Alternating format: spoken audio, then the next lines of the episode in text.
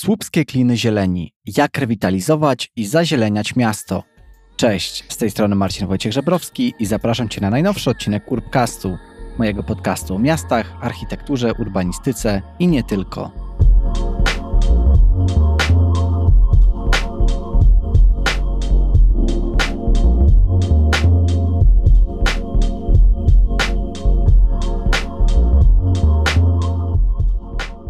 Witaj w kolejnym odcinku, który będzie poświęcony rewitalizacji. Dzisiaj skupimy się na mieście, które jeszcze nie było obecne na łamach tego podcastu, bo porozmawiamy o Słupsku. A moim gościem będzie Paweł Krzemień, który jest kierownikiem referatu rewitalizacji Biura Rewitalizacji Miasta Słupska, koordynatorem projektów z zakresu rewitalizacji, w tym modelowej rewitalizacji miast. Paweł jest również absolwentem Uniwersytetu Przyrodniczego we Wrocławiu, skończył podobnie jak ja gospodarkę przestrzenną i od niej właśnie dzisiaj w naszej rozmowie sobie zaczniemy, a przejdziemy przez to, jak Słupsk zmienia się, jak zazielenia się i dużą rolę w tym mają słupskie kliny zieleni, które trafiły już do takiego codziennego miejscowego słownika. Mieszkańcy, mieszkanki Słupska właśnie często mówią o klinach zieleni, i te kliny to rzeczywiście będzie takie, takie myślę, że to jest słowo kluczowe, ale porozmawiamy także o tym, jak w ogóle powinniśmy postrzegać Słupsk, co jest jego wizytówką, jakie przemiany obecnie przychodzi to miasto, jak zrewitalizowano część nabrzeżną rzeki Słupi, a także czy miasto rzeczywiście zyskuje dzięki zieleni, dzięki słupskim klinom zieleni, no i czy ta rewitalizacja rzeczywiście poprawia jakość życia mieszkańców i mieszkanek Słupska. Ta rozmowa jest współfinansowana ze środków Funduszu Spójności oraz budżetu państwa w ramach programu operacyjnego Pomoc Techniczna na lata 2014-2022 w ramach zadania realizowanego przez Urząd Marszałkowski Województwa Pomorskiego polegającego na wzmacnianiu zdolności gmin do programowania i wdrażania działań rewitalizacyjnych. Jest to kolejny odcinek z serii, w której przybliżamy właśnie przykłady z województwa pomorskiego na e, dobrze prowadzoną rewitalizację. I dzisiaj razem z Pawłem przedstawimy to, jak ta rewitalizacja, zielona rewitalizacja wygląda w Słupsku. Zapraszamy.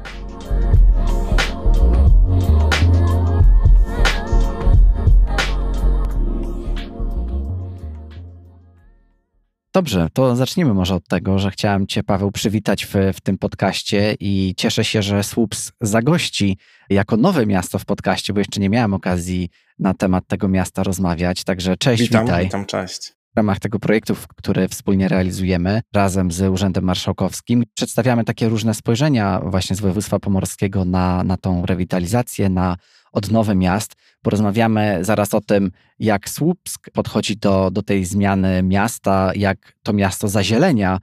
Natomiast zanim do tego przejdziemy, chciałem Ci zadać takie dość standardowe pytanie w tym podcaście, bo chciałem Cię poprosić o takie powiedzenie swoimi słowami najlepiej, no bo to tak chyba najlepiej się przedstawiać. Czym się w ogóle zajmujesz na co dzień? Oj, zawsze boję się takich pytań. Wydają się zawsze najtrudniejsze. Razem tutaj ze swoimi współpracownikami ciągniemy wózek pod nazwą Rewitalizacja Miasta Słupska. Temat bardzo wdzięczny, choć temat bardzo trudny, ale dający tą satysfakcję, zwłaszcza mm. takim osobom, które, przyznam tak jak ja, gdzieś tam od dzieciństwa lubiły budować, lubiły później też pomagać i no, ta rewitalizacja pod tym względem jest chyba najlepszym zadaniem własnym samorządu, który może się urzędnikowi przytrafić, tak? I tutaj, mimo tych wszystkich czasem nerwów, daje satysfakcję, bo to, to i budowanie, i pomaganie, i unikanie czasem, albo nawet nie czasem, tylko często jakichś mielizn, które właśnie dzięki jakimś doświadczeniom, dzięki wymianie doświadczeń z innymi samorządami udaje się uniknąć. Więc to jest coś, co z jednej strony faktycznie pozwala tę pracę cenić, ale z drugiej strony no, pewnie też jest obciążające. I rozmawiając z innymi osobami, które rewitalizacją się zajmują, mhm. zwykle takie same mają odczucia mhm. właśnie dotyczące tej pracy, a może nie pracy, jakiejś misji też, którą czują, że wykonują na rzecz mieszkańców. Pewnie to też wybrzmi w naszej rozmowie, że rewitalizacja to jest długi proces, bo tak jak już tych odcinków na temat rewitalizacji zrealizowałem trochę w, w swoim podcaście, sam też pisałem kiedyś, kiedyś pracę licencjacką na temat rewitalizacji. Wiem, że to dużo czasu zajmuje, tak, zanim zobaczy się jakieś takie pierwsze efekty tej miejskiej odnowy. Natomiast widzę, że łączy nas jeszcze jedna rzecz. Studiowałeś również kiedyś gospodarkę przestrzenną, I ja o gospodarce przestrzennej niedawno, jakiś czas temu, opublikowałem taki odcinek, w którym rozmawialiśmy razem z profesorem Dziemianowiczem z Uniwersytetu Warszawskiego i my stwierdziliśmy, że tak naprawdę są naszą gospodarką przestrzenną. To było trochę tak, że to był przypadek, tak, że na nią trafiliśmy. A czy dla ciebie było przypadkiem, że trafiłeś do biura rewitalizacji miasta Słupska? U mnie też ta, ta sytuacja jest dosyć taka znamienna, bo tak jak wspomniałem od dzieciaka, lubiłem obserwować jak się buduje. Potrafiłem kilka godzin patrzeć jak wylewają płytę fundamentową pod na przykład elektrownię wiatrową, tak, turbinę wiatrową. Ale te losy się potoczyły tak, że skończyłem najpierw chemię. To też jest budowanie, to też jest tworzenie. Ta chemia zresztą dużo dała w kontekście rewitalizacji. Jak będzie czas, to, to będę mógł powiedzieć, czego nauczyła ale w międzyczasie, siedząc już sporo w laboratorium, okazało się, że po sąsiedzku jest Uniwersytet Przyrodniczy, gdzie jest gospodarka przestrzenna, a że wciąż interesowałem się miastem, między innymi pewnie znany tobie Forum Polskich Wieżowców, gdzieś tam aktywnie uczestniczyłem w życiu tego forum, wciąż jakoś tam staram się coś wrzucać, no to postanowiłem te, te pasje też przełożyć na te drugie studia w postaci gospodarki przestrzennej. Zresztą napisałem pracę, dyplom z rewitalizacji Słupska, Trafiłem do urzędu, nie od razu do referatu rewitalizacji, bo takowy nie istniał. Zajmowałem się zresztą sprawami takimi typowo technicznymi, ale gdzieś tam ktoś przyuważył, coraz więcej temu poświęcano czas. W końcu stworzono referat rewitalizacji, którym od początku już ja tutaj kieruję. Udało się stworzyć też bardzo fajny zespół, niewielki, tutaj jest niestety powiem niewielki, zespół referatu rewitalizacji. No i do dzisiaj, tak jak wspomniałem, ciągniemy ten wózeczek w Wydziale Zarządzania Funduszami, co ma bardzo dużo plusów, ponieważ w Słupsku nie ma Wydziału Rozwoju Miasta, więc niejako z automatu jesteśmy przy wszystkich takich decyzjach, które nie dotyczą tylko obszaru rewitalizacji, ale szerzej w ogóle rozwoju miasta. I to naprawdę skrócenie tego całego procesu decyzyjnego i, i bycie przy tym głównym uchu powoduje, że no w Słupsku całkiem sprawnie, całkiem fajnie ten proces rewitalizacji przebiega, jest faktycznie traktowany jako absolutny priorytet w tej wizji rozwoju całego miasta, tak, społeczeństwa też miejskiego. Mam taki podgląd na statystyki różne, jeśli chodzi o mój podcast, i wiem, że słucha nas bardzo dużo osób z Polski i to z całej Polski. I wydaje mi się, że dobrze by było, gdybyśmy też przedstawili Słupsk, bo tak jak wspominałem wcześniej, nie poruszałem jeszcze tematu tego miasta w, w swoim podcaście. No jest to miasto, które ma około 90 tysięcy mieszkańców, także wydaje się, że może z jednej strony wydaje się małe, ale z drugiej jednak jest to pokaźna liczba tych osób, które tutaj mieszkają, współtworzą tą miejską wspólnotę. Także jak byś swoimi słowami przedstawił Słupsk dla osób, które mało o tym mieście wiedzą. Bardzo fajne, kompaktowe miasto, położone niestety dość na uboczu jednak tych głównych procesów rozwojowych zachodzących w kraju. Miasto nieoczywiste, miasto, które wygląda na dużo większe. To praktycznie każdy, kto przyjedzie do Słupska, mhm. mówi, że ono ma tylko 90 tysięcy. Miasto bardzo zwarte, bardzo gęste, niemal skończone, jeśli tutaj rozmawiamy jak urbaniści co rodzi też spore problemy. I miasto, tak jak wspomniałem, nieoczywiste nawet w kontekście rewitalizacji, bo to, to jak przyjeżdżają przede wszystkim z kraju, bo w województwie pomorskim ta wiedza oczywiście jest dużo większa, tak, ale jeśli przyjeżdżają przedstawiciele samorządów, zwłaszcza gdzieś tam z byłej kongresówki, gdzieś tam z właśnie wschodnia, południowa Polska, to jest ten odbiór właśnie taki, ale to jest ten obszar rewitalizacji, przecież tutaj jest wszystko prawie idealne, dobrze wygląda, piękne kamienice z bogatym detalem, dużo remontów, ale dopiero jak się zajrzy w tę warstwę najważniejszą w rewitalizacji, czyli warstwę społeczną, w pewne trendy, które zachodzą, także demograficzne, no okazuje się, że faktycznie ten Słupsk, ten obszar rewitalizacji, który akurat pokrywa się z tymi historycznymi dzielnicami, czyli Podgrodzie, Stare Miasto i, i Śródmieście, no jednak nie jest w tak wesołej sytuacji. Zresztą te 90 tysięcy jeszcze 20 lat temu liczyło 102 tysiące. No w sytuacji, mhm. kiedy ten odpływ jest tak duży procentowo i ten odpływ jeszcze dodatkowo kumuluje się tutaj na obszarze rewitalizacji, to wiemy, że tak naprawdę te same fundamenty tutaj trzeszczą, tak? Tej przyszłości miasta, tej przyszłości tego obszaru rewitalizacji. I tutaj bardzo duże wysiłki faktycznie są czynione żeby te procesy zatrzymać. Czasem to są decyzje administracyjne, jak chociażby kwestia powiększenia miasta, tak, czyli wychwycenie tych wszystkich, którzy odpłynęli, bo to też co charakterystyczne. Słupsk oprócz Poznania charakteryzuje się największym udziałem tych procesów suburbanizacyjnych, tak, więc mhm. z tych 12 tysięcy, które nam odpłynęło, ponad 2 trzecie to są osoby, które są 4 kilometry od miejsca, gdzie się znajdujemy, czyli od ratusza, tak, od właściwie geometrycznego centrum miasta, więc to nie są osoby, które gdzieś tam uciekły do dużych metropolii, ale wyprowadziły się tuż za miedzę, chętnie korzystając wciąż z całej tej oferty miejskiej, ale już, co wiadomo, nie współfinansując tego. I to, to są kolejne problemy, które bezpośrednio wpływają chociażby na to, co się na tym obszarze rewitalizacji dzieje, czy też na ile możemy sobie pozwolić, tak, planując te działania rewitalizacyjne. No, temat, jak to w rewitalizacji, bardzo złożony, właściwie cała pajęczyna tych problemów się mhm. pojawia i tak jak wspomniałem, natury administracyjnej, czy takiej, która powinna być rozstrzygana na poziomie krajowym, a nie tutaj lokalnie, więc no, tak jak wspomniałem, miasto bardzo nieoczywiste, miasto, które w pierwszym takim odbiorze raczej pozytywnie zaskakuje, to też charakterystyczne, że od Słupska raczej niewiele się oczekuje, jak się do tego Słupska przyjedzie, to raczej jest pozytywne zaskoczenie, mhm. tak? To jest swego rodzaju kapitał, ale to też pokazuje, że no jesteśmy już tym średniakiem, tak? Jesteśmy jakby poza takim głównym nurtem zainteresowań mieszkańców Polski.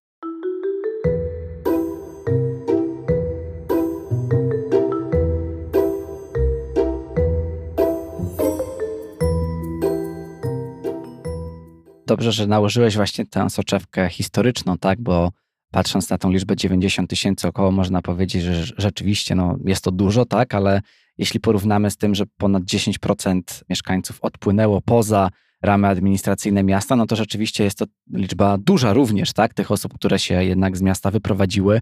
No i ta suburbanizacja niestety dotyka te nasze polskie miasta. Oczywiście moglibyśmy też pewnie godzinami rozmawiać o przyczynach, o tym, jak temu zaradzać, jakie są tego skutki, najczęściej negatywne i tak dalej, i tak dalej.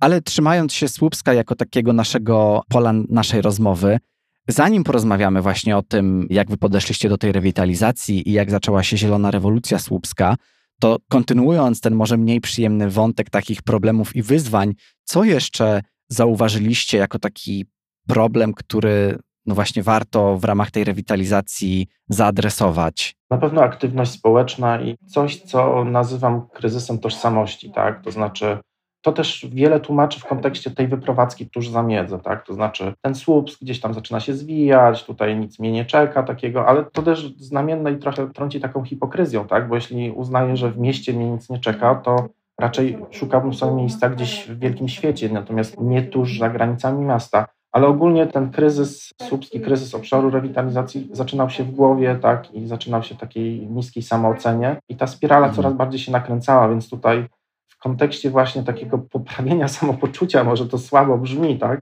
Wiele tych działań jest programowanych i no trochę takie rekolekcje miały być przeprowadzone właśnie w ramach działań rewitalizacyjnych, czy taka trochę praca psychologiczna, tak by trochę to morale mieszkańców tego obszaru rewitalizacji podnieść, też samo ocenę oczywiście zaczynając od tych, którzy, którym faktycznie noga się powinęła i tak i trafili chociażby do Centrum Integracji Społecznej, tak, ale także tych, którzy powinni jakiś e, koloryt tej, temu obszarowi rewitalizacji nadawać, a gdzieś tam tą wiarę w sens tej działalności zatracali, tak, i to jest właściwie clue tych działań, które są na tym obszarze rewitalizacji prowadzone, więc po pierwsze faktycznie pomoc tym, którym noga się powinęła, wykorzystanie tych potencjałów, które gdzieś tam w ludziach drzewią, ale też tak jak wspomniałem, zachęcanie do aktywności, wszelkiej aktywności, tak? Od posadzenia pelargonii na balkonie do faktycznie działań artystycznych w przestrzeni publicznej. I tutaj faktycznie, choć to jest mocno niemierzalne, tak, ale widzimy naprawdę dużą poprawę i także w kontekście procesu powiększenia miasta. Okazało się, że mieszkańcy wreszcie zaczęli się interesować, tak, jak to działa, jak jest finansowane, bo to też wcale nie było takie oczywiste. Okazało się, że naprawdę wiedza mieszkańców jest bardzo nikła, tak, dotycząca tego, za co miasto odpowiada, gdzie powinni się angażować bardziej, tak, bo, bo tak naprawdę wpływa to na jakość ich życia, ich dzieci, ich sąsiadów, a także na, na, na przyszłość.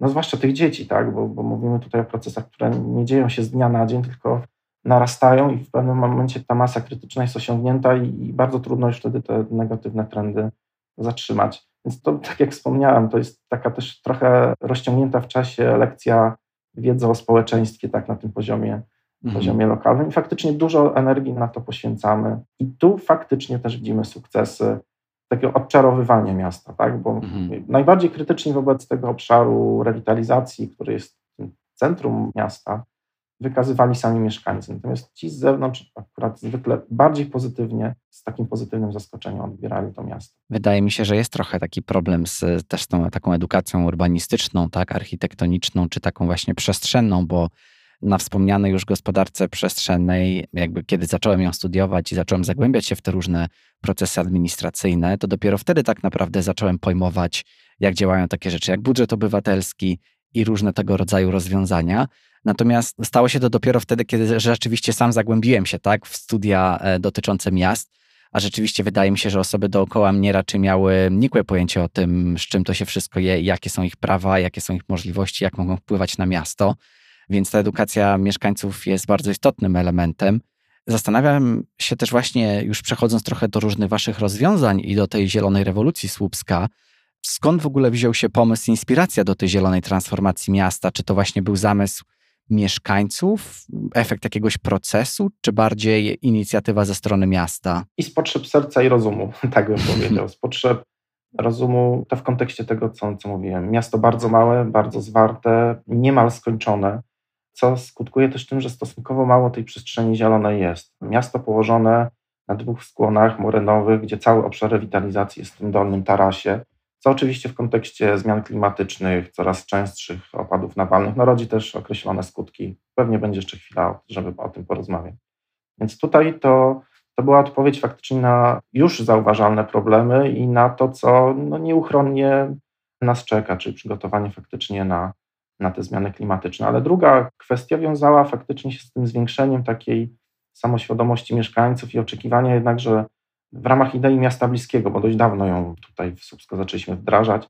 Chcemy tak, żeby w tej bezpośredniej moim sąsiedztwie zamieszkania, aktywności codziennych, faktycznie tej przestrzeni zielonej było jak najwięcej, przestrzeni zróżnicowanej, dającej taki oddech od tego miejskiego zgiełku.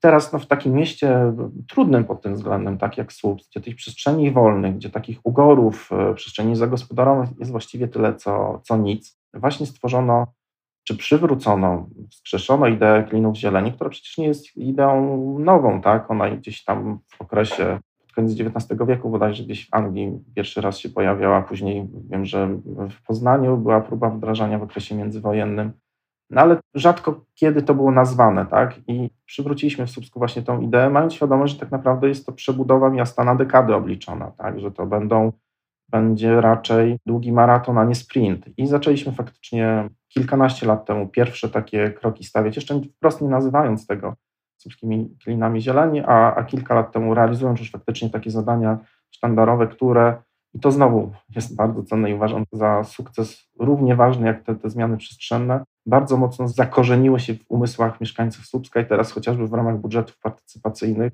właściwie wszystko nazywają klinami zieleni. Kliny zieleni na Zatorzu, kliny zieleni gdzieś tam na osiedlu akademickim, kliny zieleni i tak dalej. Super, bo to oznacza, że ta idea się przyjęła, a w ramach tych klinów zieleni mieliśmy zadania bardzo różne, tak? Od e, rewolucji w postaci nasadzeń drzew na obszarach, na ulicach śródmiejskich, które i to często takich ulicach, które nigdy drzew nie widziały, takich betonowo-kamiennych kanionów kamienicznych, bo to, co, co też charakterystyczne Słupskie Śródmieście, właściwie bez strat wojennych przetrwało do dnia dzisiejszego, jest niemal kompletne, co też rodzi trudności w kontekście właśnie zieleni, poprzez tworzenie parków, przede wszystkim parków linearnych, to wykorzystujących takie trudne tereny, jak chociażby strefy wokół linii wysokiego napięcia, tak, które wiadomo nie były zabudowane, a teraz stają się parkami czy przestrzeniami, gdzie chociażby powstają otwarte zbiorniki retencyjne. Może nie nawet zbiorniki retencyjne, bo to też zaraz się kojarzy, wybetonowane, bardziej takie naturalistyczne elementy przechwytujące wodę i pozwalające opóźnić jej spływ. Więc tak jak wspomniałem, no to jest proces obliczony na kolejne lata. W tej chwili właśnie jesteśmy na etapie wyboru wykonawców słupskich trawników deszczowych. Nazwa myląca, ale sama idea bardzo fajna, bo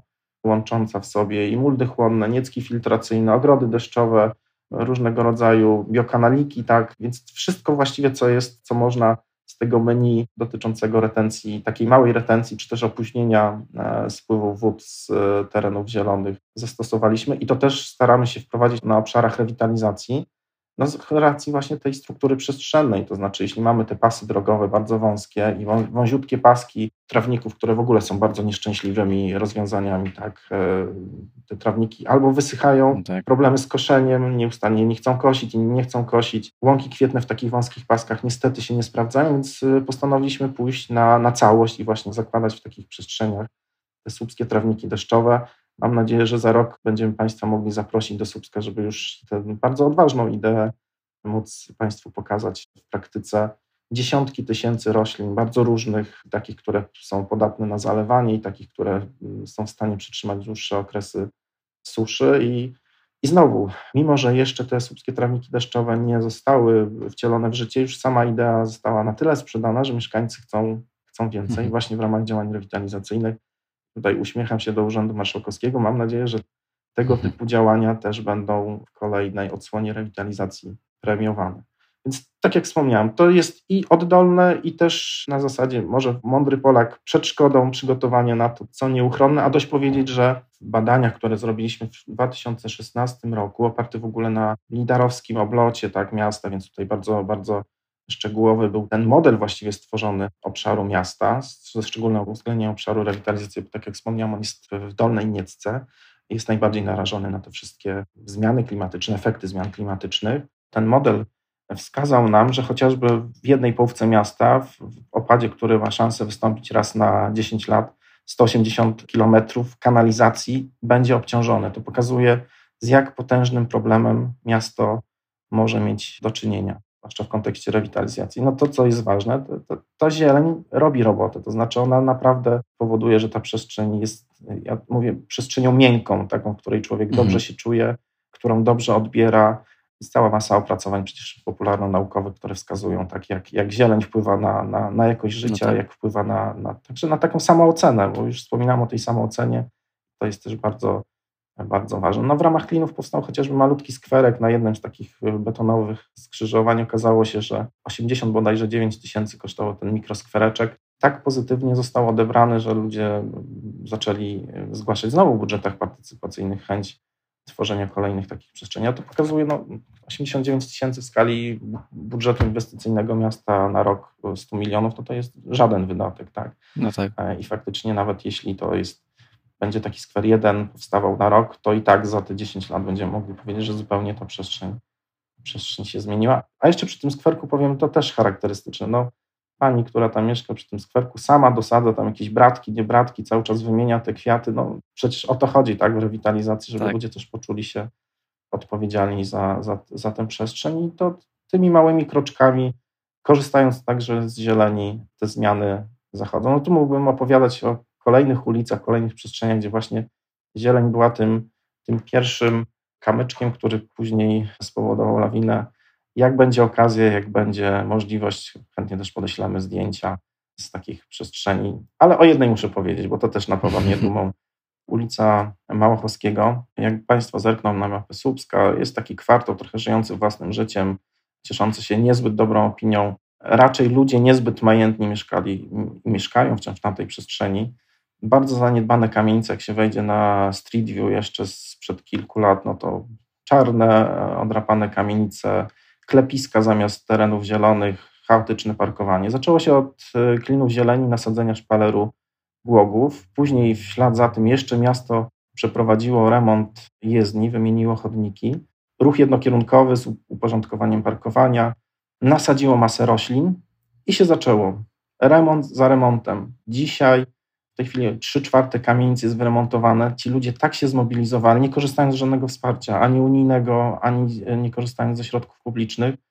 I naprawdę w tej chwili, jak idę na Tomachowskiego, to uważam, że zaszedł tam cud, tak? To, to, to znaczy ta aktywność, ta kula śniegowa tak nabrała tam prędkości, że w tej chwili jestem przekonany, że w perspektywie najbliższych kilku lat właściwie wszystko będzie tam wyremontowane i naprawdę ta ulica nie jest powodem do wstydu, ale w tej chwili naprawdę jest wręcz takim sztandarowym przykładem. A proszę zwrócić uwagę, od czego się zaczęło. Tak? Od nasadzenia zieleni, która była z kolei pretekstem do uporządkowania parkowania. I znowu, to był proces, tak? To był proces, gdzie miasto z racji też no, trudnej sytuacji budżetowej, tak, starało się gdzie tylko może pozyskiwać środki, czy na nasadzenia z, z POISia, czy też na remont drogi z Funduszu Dróg Samorządowych. Teraz w ramach specjalnej strefy jeszcze wspieramy właśnie wspólnoty mieszkaniowe w remontach. No i kroczek po kroczku osiąga się właśnie tę masę krytyczną. Na tamtej ulicy zdecydowanie osiągnięto masę krytyczną. I myślę, że gdybyśmy zobaczyli, czy z tamtego obszaru ludzie tak intensywnie się wyprowadzają jak z innych ulic, już te badania pokazały, że nie, że ten proces zdecydowanie się zatrzymał, bo też ludzie się związali. No, jeśli się angażuje w remont kamienicy, to pewnie szanse na to, że się z niej wyprowadzę są mniejsze niż niż e, w sytuacji, kiedy wszędzie jest czarno, na, na klatce są mazaje, a od elewacji odpadają kolejne fragmenty tynku. I zieleń, i remonty, i praca z mieszkańcami, to wszystko daje chyba taki efekt, który jest najbardziej trwały. Tak? To, to nie jest okazyjnie poprawa sytuacji, tylko to jest faktycznie zupełnie przeniesienie tych ludzi na inny poziom aktywności.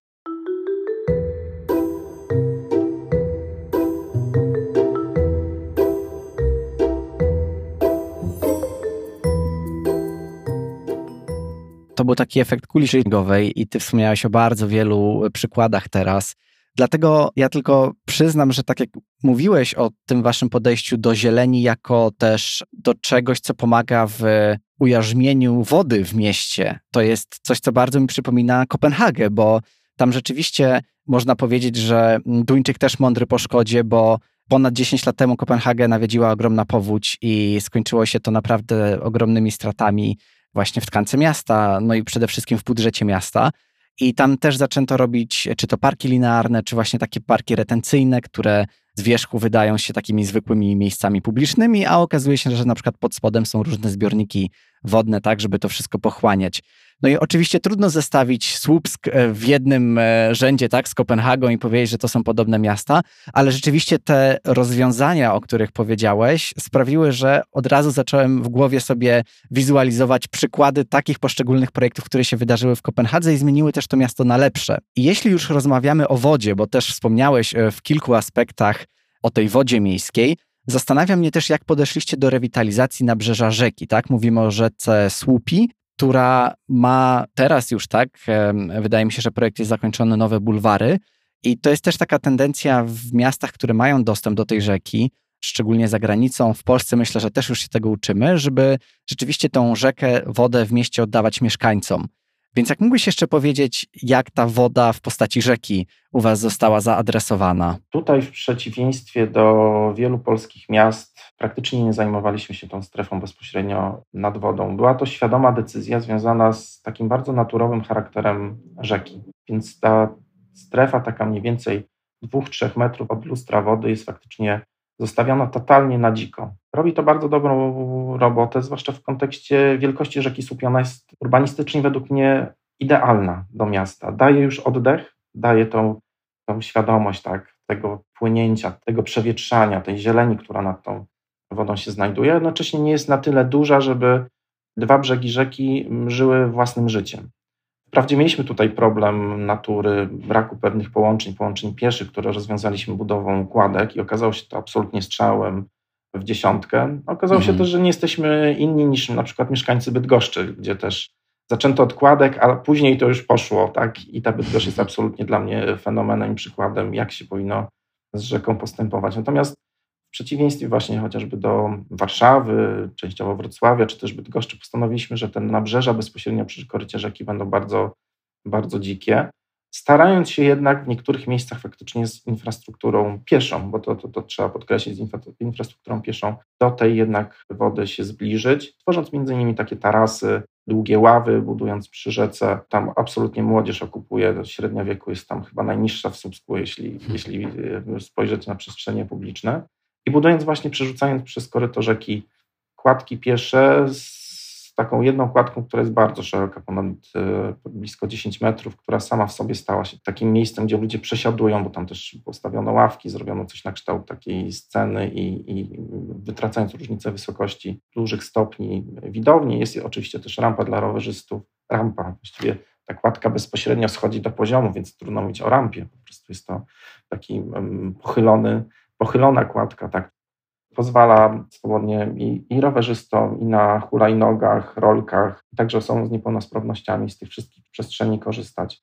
Natomiast też bardzo duża dyskusja i bardzo duża walka dotyczyła starych, jeszcze przedwojennych drzew, które w tej przestrzeni mhm. się e, znalazły. Udało się także zmieniając projekt i to, to wielokrotnie zmieniając projekt, już w trakcie realizacji, uchronić przed wycięciem zdecydowaną większość starych, jeszcze przedwojennych drzew, które robią kapitalną robotę. To znaczy, każde stare drzewo nadgryzione czasem zębem czasu, tak, lipy, kasztanowce, które porastają właśnie tym rzeki, robią to coś, to coś, co powoduje, że w tej przestrzeni się bardzo dobrze czuję. Oczywiście też, przyznam się Państwu, popełniliśmy w niektórych miejscach błędy, to znaczy trzeba było jeszcze ostrożniej postępować przy tych drzewach, ale to przy tak złożonych projektach, projektach, które są realizowane na, na przestrzeniach, które nigdy nie były modernizowane jeszcze od czasów niemieckich i gdzie na przykład nie wiadomo, co się znajduje pod ziemią, no pewnie w, w 100% nie były do, do uniknięcia.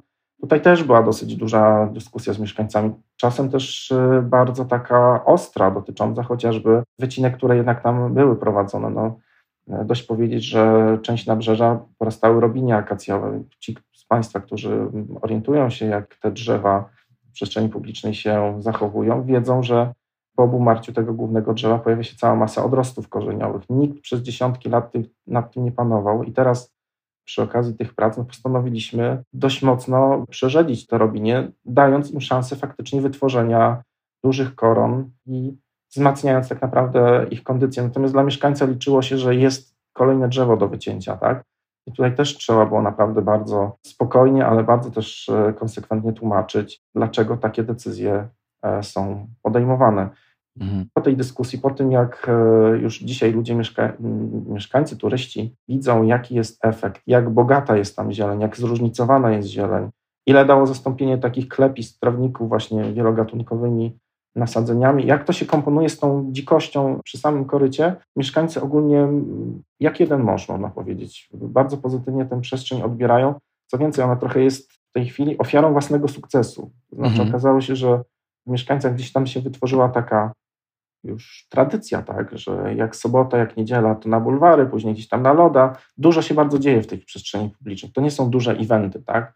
Tu jak gdzieś w, w tym weekend było, tu orkiestra denta, tu potańcówka, więc no, dzień pszczół, więc to wszystko gdzieś tam zachęca, żeby właśnie podejść na, na te bulwary, a wieczorami przyjmują te bulwary zdecydowanie młode osoby, co też dla mnie osobiście jest olbrzymim sukcesem. Przyznam, że jak pierwszy raz gdzieś tam wczesną wiosną wszedłem w takich godzinach no, późnych i pierwszy raz usłyszałem od dawna w mieście taki gwar miasta, taki, taką kakofonię dźwięków, gdzie e, zlewały się śmiechy, rozmowy, to naprawdę e, było blisko takiego wzruszenia, tak? Bo to w takich miastach jak Słupsk, miast zdecydowanie nieakademickich, jest raczej rzadkie, tak? To się zdarza. Nie wiem, we Wrocławiu, jak się przejdzie przez uniwersytet i wchodzi no tak. na te charakterystyczne wyspy, tak? Z jedną sztandarową, to tam słychać ten gwar miasta, tak? Te dźwięki się mieszają. W Słupsku raczej tego nie uświadczało się, więc to znowu, to jest miara sukcesu, która z drugiej strony no, rodzi pewne problemy, bo oczywiście gdzie są młodzi ludzie, tam ktoś coś napisze na przyczółku mostu, komuś tam przyjdzie do głowy, że palik, który ochrania rośliny, złamać. No ale znowu, no, ja, ja tłumaczę, nie, nie poddajmy się temu negatiwnemu wizerunkowi, że absolutnie tutaj teraz, nie wiem, gonić policję. Nie, nie. cywilizujmy to, pokazujmy, że o to dbamy, zamazujmy, za, zamalowujmy jak najszybciej te napisy, żeby pokazać, że faktycznie wciąż tutaj gospodarz jest i, i nad tym czuwamy. Natomiast absolutnie nie walczmy z tymi aktywnościami, bo znowu w, w, na obszarze rewitalizacji, czy szerzej w ogóle w takich miastach jak Słupsk, każdy przejaw aktywności jest na wagę złota i naprawdę zachęcajmy raczej, żeby było tego jak najwięcej. A to też pokazuje, że i to też podkreślam wiele, wielokrotnie. Nie jesteśmy inni niż mieszkańcy Bydgoszczy, Wrocławia, Warszawy, takich miast naprawdę dużych. Też nas ta rzeka przyciąga, też chcemy się pokazywać w takich przestrzeniach, też chcemy aktywności. Jeśli tam dziewczyny nagrywają jakieś filmiki na TikToka, to znaczy, że uznały, że na tych bulwarach siary nie będzie, tak? Można tak powiedzieć. I to też jest miara sukcesu tej przestrzeni. I jedziemy dalej z tym tematem bulwarów, bo konkurs architektoniczno-urbanistyczny, to też podkreślę, zakładał dużo większą przestrzeń, dużo większą przestrzeń na długości niemal 4 km, bardzo zróżnicowaną i taką, gdzie będzie przewidziana edukacja środowiskowa, bo to są tereny bardzo cenne, poldery, gdzie tak naprawdę nie powinniśmy poprawiać matki natury, tylko skanalizować ruch, który tam się pojawia. A przy okazji też w taki bardzo miękki sposób no, uwrażliwiać ludzi na potrzeby właśnie ochrony środowiska, retencjonowania wody, kwestii też bogactwa chociażby fauny i flory, tak? na takich przestrzeniach, ale też te przestrzenie takie, y, gdzie młodzież może się chociażby wyszaleć. Tu jest y, Park Kultury Wypoczynku, który jest bezpośrednio przyległy do obszaru rewitalizacji w ramach właśnie Polskiego Ładu będą tam takie przestrzenie, gdzie będzie można się pozytywnie wypocić, swoją gdzieś tą aktywność e, uskutecznić. I te przestrzenie, tak jak te, które już zostały zrealizowane tutaj na obszarze rewitalizacji, gdzie warto przyjść, warto te aktywności takie, także kulturalne, także takie związane z, z różnymi intelektualnymi zajęciami, tak, uskutecznie, a czasem się pokazać, bo to też jest ważne. Więc e, ten konkurs konsekwentnie jest przez nas wdrażany. Zresztą to jest traktowane, co w Słupsku e, wykonaliśmy jako swego rodzaju model postępowania, bo na bazie tego konkursu powstała cała masa wytycznych i związanych z postępowaniem, z elementami infrastruktury, tak? Od nawierzchni poprzez oświetlenie na małej architekturze kończąc, ale także związane szerzej z takimi kwestiami urbanistycznymi, tak? gdzie są absolutnie jakieś bariery antropogeniczne, które trzeba przełamać. Między innymi wybito furtę w średniowiecznych murach miejskich, co też pewnym jest ewenementem.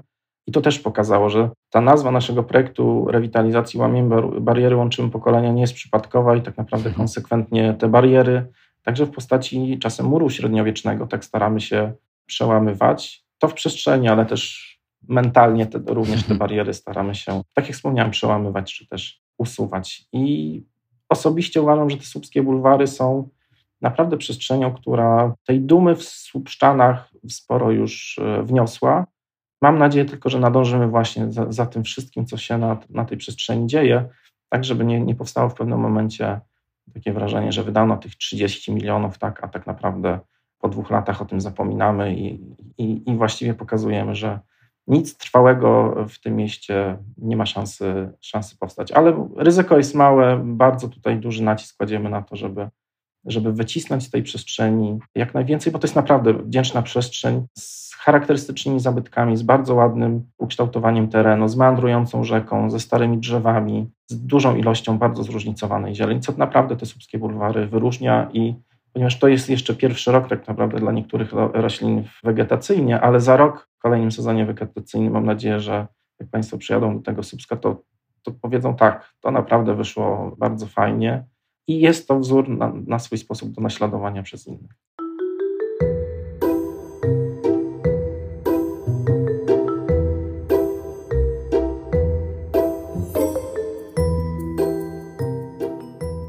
Porozmawialiśmy o niebieskiej infrastrukturze, porozmawiajmy teraz o tej zielonej, czyli podsumujmy sobie jeszcze, jak działają te słupskie kliny zieleni, bo to jest coś rzeczywiście, tak jak wspominałeś wcześniej, co dość wybija się, jeśli chodzi też o nazewnictwo tej zielonej infrastruktury, tak? No bo możemy mówić o różnych parkach kieszonkowych, możemy mówić o różnych parkach linearnych, natomiast te, te kliny zieleni rzeczywiście wydaje mi się, że się wybijają trochę, że to jest taka bardziej oryginalna nazwa, chociaż wcale nie nowa, tak jak już, tak jak już zresztą wspominałeś.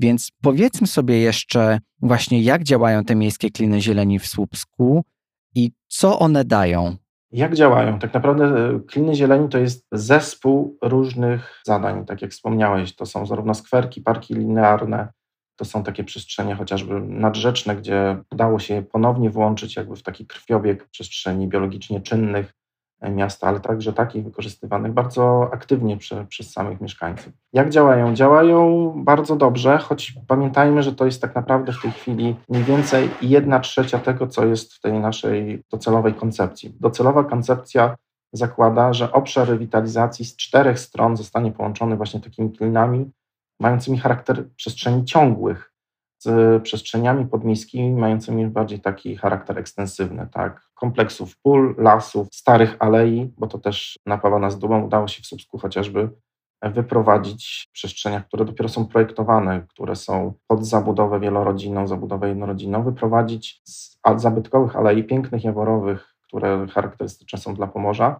ruch na zewnątrz, a w takich alejach będą wyłącznie ciągi pieszo-rowerowe, tak żeby pozwolić tym drzewom przeżyć kolejne 100-200 lat. I to też było wpisane właśnie w ideę klinów zieleni, więc to są bardzo różne interwencje. I e, tak jak wspomniałem, jedna trzecia została zrealizowana. Mniej więcej kolejne 20% będzie realizowane w tym i przyszłym roku, także z tymi zbiornikami mającymi charakter takich bardzo naturalistycznych zbiorników. To też charakterystyczne. To, to często nie są przestrzenie, które w planach miejscowych są oznaczone jako zieleń publiczna.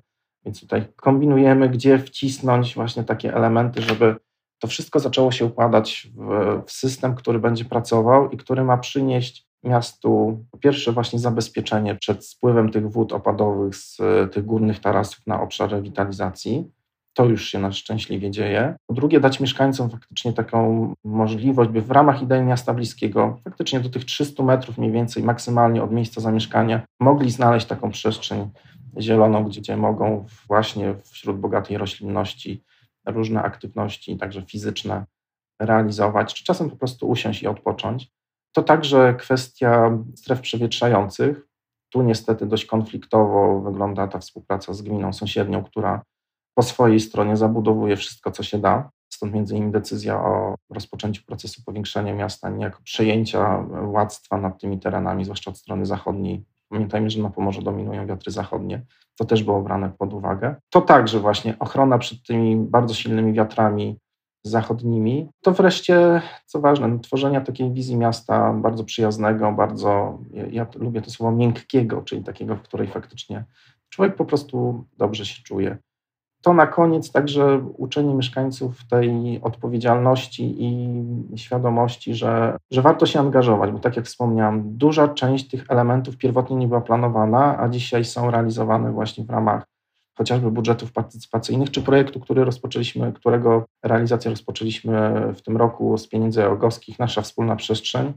I znowu okazało się, że trzy wybrane zadania do realizacji w ramach tego projektu w całości wpisują się w ideę Klinów Zieleni. I jeden z nich, pani Kinga pewnie będzie zainteresowana bardzo, to między innymi odbetonowanie praktycznie jednej trzeciej przestrzeni y, głównej alei prowadzącej od Starego Miasta poprzez Śródmieście do, do dworca. Przepiękna aleja lipowa w ramach pierwszej odsłony rewitalizacji przebudowana, zachowano te lipy, co też dos, dosyć jest charakterystyczne, no bo wcześniej choroba dziecięca procesów rewitalizacji często polegała na tym, że wycinano i sadzono nowe. U nas udało się zachować te, te, te aleje, ale dzisiaj patrząc y, trochę krytycznie na to, wciąż za mało zieleni, więc właśnie jutro mamy spotkanie z panią konserwator, będziemy decydować, jak dużo z tej przestrzeni należy odbetonowywać, by z jednej strony zachować charakter alei, tak, e, przepięknej, z przepięknymi mieszczańskimi kamienicami, ale z drugiej strony no, nauczonych doświadczeniem i także w odpowiedzi na to, czego mieszkańcy oczekują, bo sami zgłosili i sami wybrali takie zadanie, bardzo mocno tę przestrzeń zazielenić.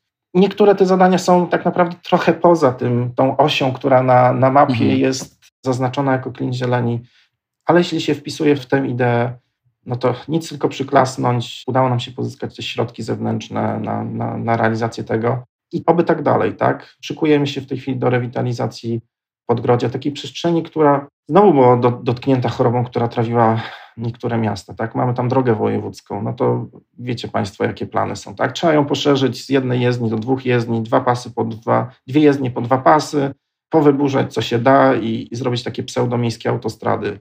Wycofaliśmy się już z tych planów, ale no, ten proces był już częściowo wdrożony, więc są tam przestrzenie takie mm, niezagospodarowane, tak? Szczerby w, wyszczerbione pierzeje, duże podwórka, gdzie też nie pozwalano wykupywać mieszkańcom tych podwórek, tak, bo, bo przecież to, to wkrótce będzie do zaorania. Teraz e, staramy się także we współpracy z Narodowym Instytutem Dziedzictwa rozpoznać, jaki był tam najpierw rys historyczny dla tego obszaru, jaka była historia tego obszaru. Okazało się, że tam zawsze były stare ogrody. Część tych drzew jeszcze takich zdziczałych się zachowała. I właśnie w ramach działań rewitalizacyjnych już nie na zasadzie, że czyścimy te podwórka do zera i, i robimy projekt na gołej ziemi. Będziemy starali się te sady, te sady przede wszystkim najpierw uzupełnić, a później prowadzić tam trochę różnych aktywności, tak? Oczywiście jakiś alejek, oświetlenia, monitoringu, bo to, to jest niezbędne. Retencjonując wodę, ale tak jak wspomniałem, nie czyszcząc już od zera, pozwalając trochę, żeby te przestrzenie były takie dzikawe, tak w, w swojej naturze, może dosadzając jakieś mhm. stare gatunki ginące właśnie drzew owocowych i częściowo też, nie chcę powiedzieć prywatyzować, ale pozwalać mieszkańcom przejmować władztwo nad, nad tymi obszarami i to też już testowaliśmy, tak? W takim jednym z większych podwórek na Podgrodziu. Pierwotnie projekt był taki, że ludzie sobie tam nielegalnie mm, zajęli podwórka, zrobili tam sobie ogródki, w ramach projektu pierwotnie założono, że te ogródki zostaną zlikwidowane, później na nowo założone, więc to już jest jakiś postęp, ale zostaną wydzierżawione w formie otwartego postępowania. A że po sąsiedzku powstał budynek deweloperski z ludźmi, którzy trochę więcej zarabiają, no to pomyśleliśmy, pomyśleliśmy, sobie, kurczę, przecież to jest e, scenariusz na e, z jednej strony konflikt pomiędzy tymi nowymi, ale także na absolutne zaprzepaszczenie tego, co tam się odbyło, tak? tego kapitału w postaci e, zaangażowania tych mieszkańców. Po dużych dyskusjach, dość emocjonalnych, okazało się, że jednak znaleziono taką formułę prawną. W ramach mhm. działań rewitalizacyjnych tylko tym ludziom postawiono porządne, e, porządne estetyczne ogrodzenia, nawet im do, dosztukowano trochę ziemi. Tam jakoś znaleziono podstawę prawną, by im wydzierżawić na stawkach bardzo niskich wszyscy są zadowoleni, więc trochę korzystając właśnie z takich, z takich doświadczeń, chcemy też, żeby w tych przestrzeniach podgrodziowych takich ogródeczków przydomowych jak najwięcej wydzielać. by, tak jak wspomniałem, po pierwsze miasta nie stać na, na to, żeby robić wszystkie podwórka mhm. od zera. Po drugie, w wielu przestrzeniach jest to błędne, a także w kontekście dotychczasowych e, doświadczeń mieszkańców, ich oczekiwań wobec takich przestrzeni, a środowiskowo też wydaje się do, mhm. do, do, dosyć szkodliwe. Tak? Więc uczymy się w ramach tych działań rewitalizacyjnych także takiej pokory i, i takiego przeświadczenia, że nie wszystko trzeba poprawiać. Czasem trzeba pozwolić temu żywiołowi po prostu na tym obszarze rewitalizacji działać. To czasem daje naprawdę czasem. Z doświadczeń pokazuje, że daje naprawdę trwalsze efekty niż, niż takie przeświadczenie, że gdzieś tam mądre głowy w urzędzie się zamkną i wymyślą no tak, tak ludziom, jak mają żyć na nowo, lepiej, bo to zwykle, zwykle są jakieś marzenia osób, które, które te, tej pokory się jednak nie nauczyły. Hmm. No, staramy się wyciągać jednak z takich, z takich doświadczeń wnioski.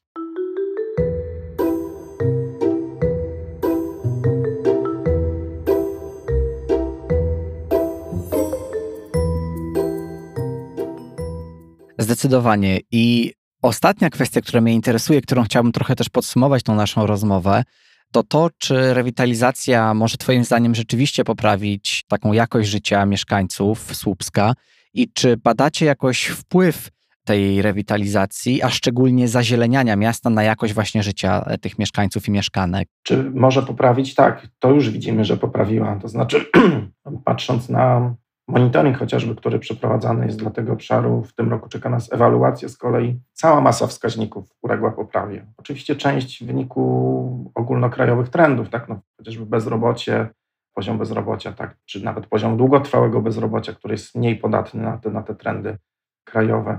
I tutaj absolutnie z pełną świadomością i pewnością w głosie mogę powiedzieć, tak, ta zmiana już jest zauważalna i także ta zmiana jest artykułowana przez samych mieszkańców te wszystkie ich aktywności, które są uskuteczniane, tak, dotyczące i zazielenienia podwórek, balkonów, aktywności remontowe, no przecież też pokazują, że ludzie uwierzyli, że w tej przestrzeni e, można fajnie żyć i można wciąż planować przyszłość chociażby swoich dzieciaków. Natomiast ten aspekt związany z zielenią jest jakimś komponentem tego procesu, tak? Oczywiście bardzo trudno, to już też musiały być badania przeprowadzone przez jakichś socjologów, którzy na jakiejś próbie zdecydowanie głębiej postarają się tutaj rozpoznać ten temat, w jaki sposób ta zieleń wpływa na ten proces. Ale no, intuicja i także rozmowy z mieszkańcami pokazują, że to jest naprawdę bardzo ważny, bardzo ważny aspekt, nawet w kontekście zieleni przyulicznej. Tak? No, pierwotnie, kiedy sadziliśmy te, tych kilkaset drzew na, na ulicach śródmiejskich, potrafiłem odbierać telefony, gdzie zbierałem niezły op bo komuś przed oknem posadzono głuk, niewielki głuk, tak? a pani tam od zawsze twierdziła, że, że, że miała przestrzeń mogła obserwować sobie z okna życie, życie miasta. Bardzo szybko się to skończyło i teraz mieszkańcy proszą o to, żeby dosadzać drzewa, zwłaszcza jaki przychodzi okres taki, jak w tym roku już mieliśmy, tak? ekstremalnych upałów i tam miejska wyspa ciepła daje mm. o sobie znać e, w sposób bardzo efektowny, złe może słowo, ale faktycznie jest odczuwalne przez wszystkich. To też, tak. jest, to też jest miara tego, tej zmiany mentalności, zmiany podejścia mieszkańców do, do tej zieleni. I tak jak wspomniałem, no te, te małe gesty w postaci tej pani, która sadzi na skwerku bratki, innej pani, która zagospodarowała przestrzeń do tej pory w postaci klepiska przy męskiej szopie, gdzie też są działania społeczne prowadzone. No, akurat przyjeżdża wizytacja z Urzędu Marszałkowskiego, pani leci z całymi koszami kwiatów i mówi, że ona będzie tutaj zmieniać już te bratki, bo one jej się nie podobają. No, daj Boże, żeby większość ludzi miała takie bratki, tak?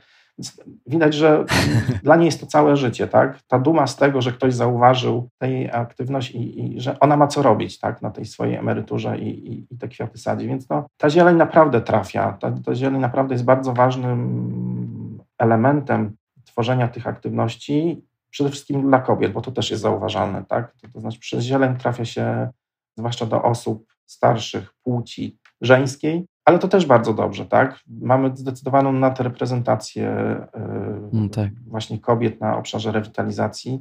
Z racji tego, że młodsi się wyprowadzali, też struktura wiekowa tego obszaru rewitalizacji jest jaka jest, dominują osoby starsze. I jeśli te osoby właśnie dzięki tej, tej zieleni, dzięki tym naszym, naszemu wsparciu, bo prowadzimy też w ramach instrumentu elastyczności takie procesy właśnie przez fundacje, gdzie zakładamy, pomagamy zagospodarować takie przestrzenie klepiska, ale także uzupełniać je o miejsca gromadzenia odpadów, o elementy małej architektury, czasem jakieś ławki, czasem jakiego, jakieś huśtawki. Jeśli ludzie się w to angażują, później zaczynają przejmować władztwo nad tymi terenami już w całości, tak?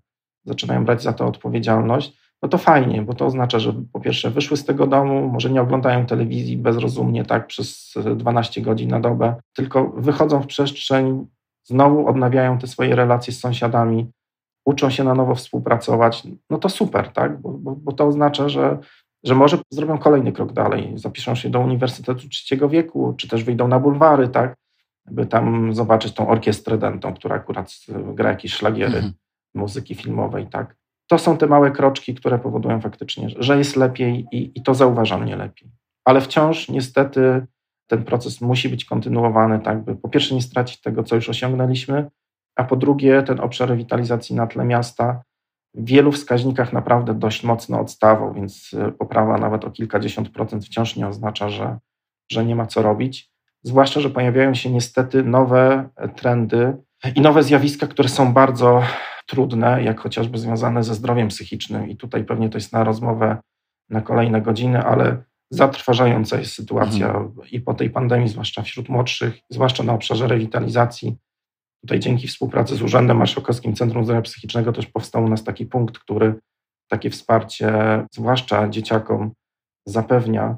Ale powiem Państwu, że mm, liczba osób, które z takiego wsparcia powinny skorzystać, zapaść w ogóle taki, takiego wsparcia psychologicznego dla, dla dzieciaków jest zatrważająca i myślę, że w kolejnych odsłonach rewitalizacji ta troska o zdrowie psychiczne będzie bardzo mocno musiała wybrzmieć i także będzie trzeba się zastanowić, w jaki sposób właśnie w ramach działań rewitalizacyjnych te systemy wsparcia właśnie w tym aspekcie wzmacniać, bo sytuacji, kiedy w tej chwili już mogą na przykład e, interweniować w takich sytuacjach, gdy młoda osoba się targa na życie, no to to już jest naprawdę katastrofa, tak? bo na innych już tak naprawdę brakuje osób, czasu i miejsca. Tak więc no, tak jak wspomniałem, poprawa jest bardzo duża, ale pojawiają się zupełnie nowe zjawiska, o których pewnie 5 lat temu jeszcze mało by, by, by kto rozmawiał ale to pewnie na, na, na, inną i dłuższą, dłuższą rozmowę. Zdecydowanie, bo jest to myślę, że szeroki temat, ale tak jak zresztą powiedzieliśmy na początku, no rewitalizacja to jest proces.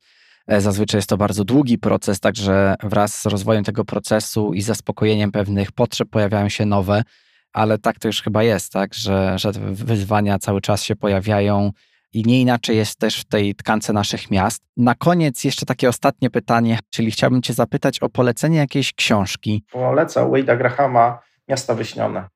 Nie wiem, czy pojawiła się już taka pozycja. Jeszcze nie. Bardzo lubię wracać do tej książki, ponieważ sam tytuł wiele mm, mówi. To jest niezwykle sprawnie napisana książka o siedmiu wizjach urbanistycznych, czołowych tak naprawdę urbanistów, którzy wpłynęli faktycznie na to, jak postrzegane są miasta ale pokazujących też, jak łatwo zafiksować się jakąś ideą, tak?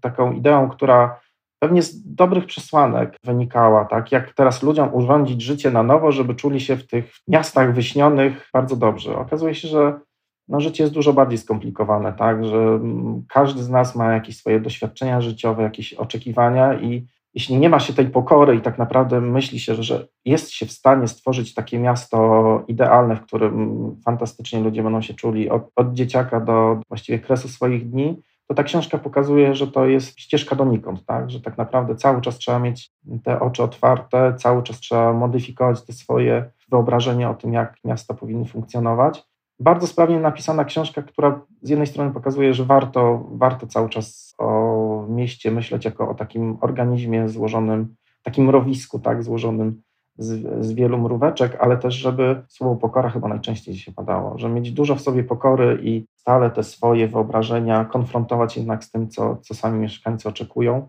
bo w przeciwnym razie tworzymy jakąś utopię, która skończy się tak jak każda utopia, tak? Masą niezadowolonych osób, których, którym tak naprawdę nie poprawiło się jakości życia, tylko, tylko pogorszyło. Więc wszystkim tym, którzy zajmują się urbanistyką, zajmują się rewitalizacją, naprawdę polecam książkę. Sprawnie napisana, a wnosząca także bardzo dużo informacji o tym, jak, jak ta myśl urbanistyczna się przestrzeni bodajże 200 lat, bo to mniej więcej tak należy traktować, e, zmieniała, jak ewoluowała, a czasem jakie przynosiła rewolucje, które, które no, kończyły się też tak jak rewolucje zwykle czasem pożerając swoje dzieci jeszcze dodatkowo. Paweł, dziękuję Ci za to polecenie i dziękuję Ci również za tą rozmowę, za przedstawienie Słupska w, w takim świetle. Mam nadzieję, że teraz mieszkańcy wiedzą, tak, ale że słuchacze i słuchaczki również wiedzą na ten temat dużo więcej. Także dziękuję Ci za, za tą rozmowę. Dziękuję i zapraszam do Słupska.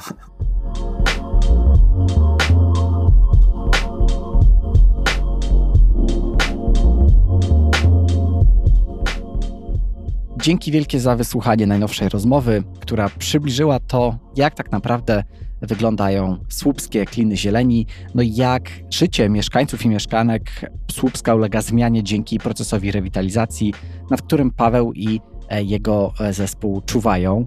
Mam nadzieję, że podobało Ci się to, że miasto, które być może nie jest na pierwszych stronach gazet, nie jest dużą metropolią, również trafia na łama podcastu i myślę, że te mniejsze miasta też mają ogromny potencjał. I mniejsze miasta myślę, że będą gościć na łamach tego podcastu, bo nie chcę skupiać się tylko i wyłącznie na rozmowach na przykład o Warszawie, czy Krakowie, czy Gdańsku, ale też miastach mniejszych. Także to myślę, że jest, mam nadzieję, dla Ciebie ciekawą zapowiedzią tego, co może się wydarzyć w przyszłości. A jeśli chciałbyś lub chciałabyś dowiedzieć się czegoś więcej na temat podcastu, zapraszam Cię na stronę urbcast.pl. A jeśli chcesz się dowiedzieć czegoś więcej na temat właśnie projektów rewitalizacyjnych Słupska, to też zapraszam Cię na stronę Urzędu Miasta czy na stronę Urzędu Marszałkowskiego Województwa Pomorskiego, gdzie dowiesz się więcej na temat projektów rewitalizacyjnych na tym obszarze. Dzięki wielkie i do usłyszenia niebawem.